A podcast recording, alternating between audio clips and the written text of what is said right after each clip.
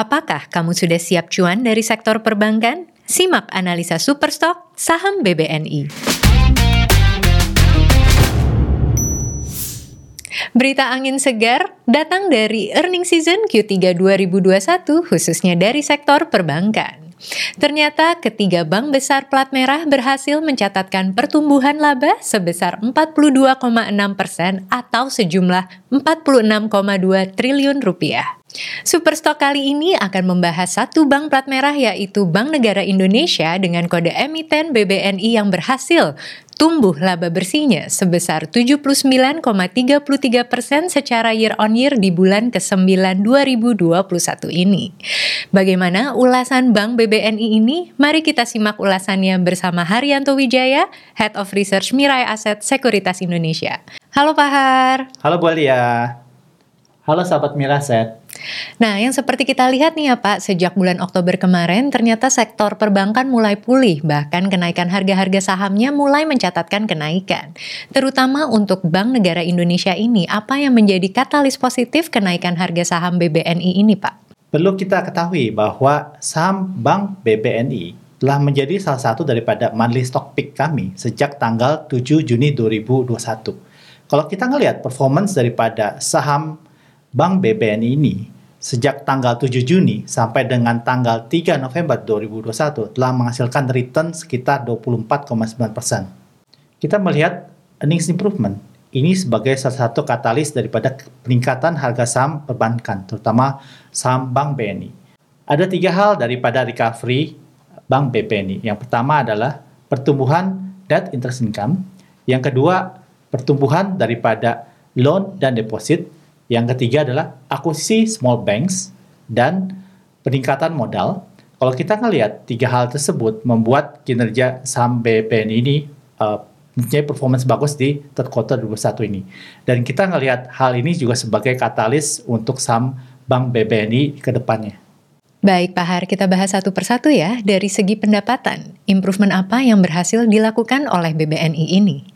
Kalau kita ngelihat, uh, BBNI berhasil membukukan laba bersih third quarter 2001 sebesar 2,7 triliun rupiah dibandingkan di kuartal 3 tahun 2020 yang loss sekitar 136 miliar.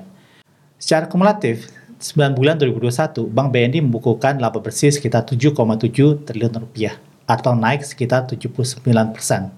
Hal ini ditopang oleh tiga hal, yaitu higher net interest income, yang kedua adalah higher non-interest income. Yang ketiga adalah stabilnya provision expenses. Interest expense turun secara signifikan karena ditopang oleh dua hal. Yang pertama adalah penurunan benchmark rate yaitu BI reverse repo. Yang kedua adalah uh, shifting daripada uh, dana mahal ke dana murah yaitu dari deposito ke kasa atau giro dan tabungan.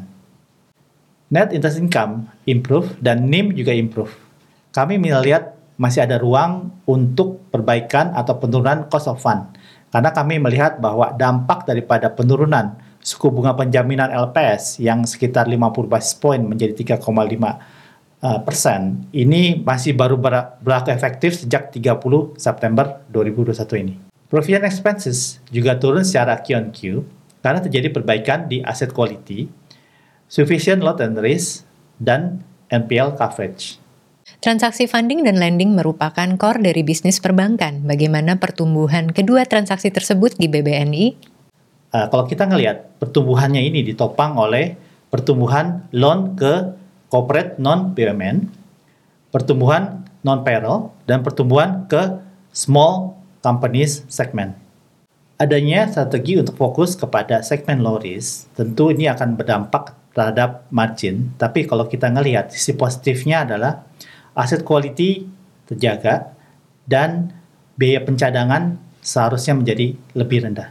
Total DPK terjadi penurunan secara year on year. Hal ini karena BNI Syariah sedang lagi dikonsolidasikan sejak Februari 2021. BSI ini sekarang dikonsolidasi di level Bank Mandiri.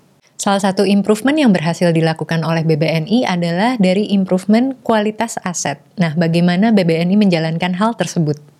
Kalau kita ngelihat hal yang bagus adalah NPL di third quarter 2021 ini sudah turun dari level peaknya di fourth quarter 2020.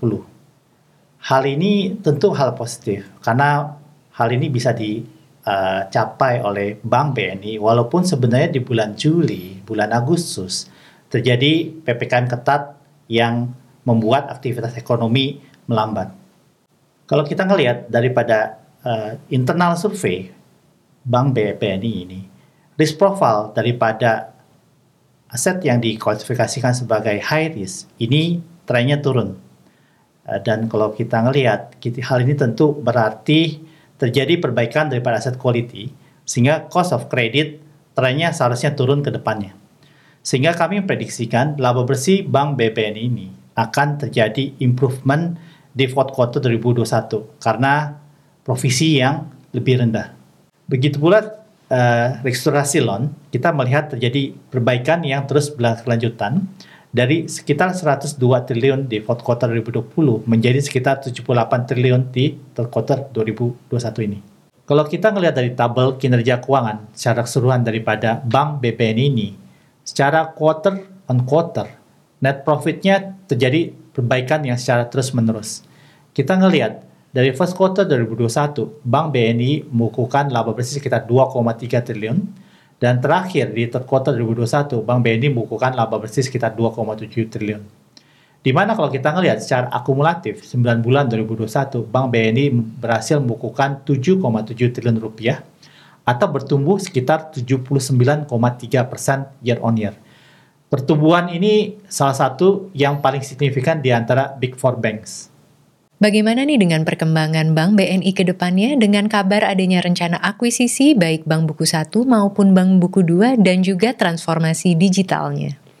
Bank BBN ini akan melakukan akuisisi small banks di mana akan ditransformasikan menjadi digital banks. Digital banks ini akan berpartner dengan strong technology partner yang dikabarkan adalah C Limited atau berhubungan dengan Shopee. Dan ditargetkan akan mentargetkan uh, SME consumers. Kita tahu bahwa uh, Shopee ini memiliki community atau ekosistem yang sudah luas. Apalagi saat ini Shopee sudah menjadi uh, second largest platform di Indonesia. Tentu ini akan membuat Bank BNI ini bisa mentap market yang saat ini uh, tidak dimiliki oleh yang lainnya. Bank Negara Indonesia baru saja dikabarkan melakukan penerbitan capital bond. Bagaimana pengaruh dan peruntukannya di dalam strategi bisnis BNI ke depannya? Bank BNI ini berhasil mengumpulkan pendanaan, yaitu melalui additional uh, Tier 1 capital bonds sekitar 600 juta US dollar, sehingga meningkatkan capital adequacy ratio atau CAR-nya sekitar 140 basis point. Dengan berhasilnya terkumpulnya 600 juta US dollar tadi, hal ini tentu mengurangi kekhawatiran investor atas potensi dilusi dari rencana right issue Bank BBN ini. Akuisisi bank kecil yang diperkirakan akan ditransformasikan menjadi bank digital dan penguatan modal Bank BBN ini, kami perkirakan akan membuat proyeksi 2022 Bank BNI ini bagus kinerjanya. Laba bersih daripada Bank BBNI kami perkirakan akan mencapai sekitar 9,5 triliun rupiah di 2021 dan akan mencapai 15,4 triliun rupiah di 2022 yaitu kembali ke level tahun 2019 ya sekitar 15 triliun rupiah.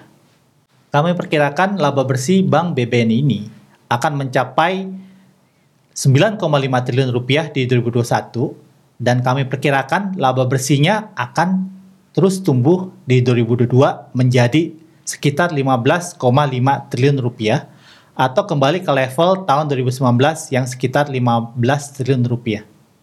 Baik Pak Har, terima kasih banyak atas analisa Bank Negara Indonesia-nya.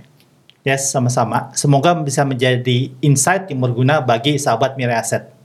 Selalu ada pergerakan sektor yang terjadi di market, begitupun dengan recovery yang dialami oleh saham Bank Negara Indonesia. Apakah saham BBNI ini siap menjadi superstock di portofoliomu? Sampai jumpa di edisi Superstock selanjutnya dan happy cuan!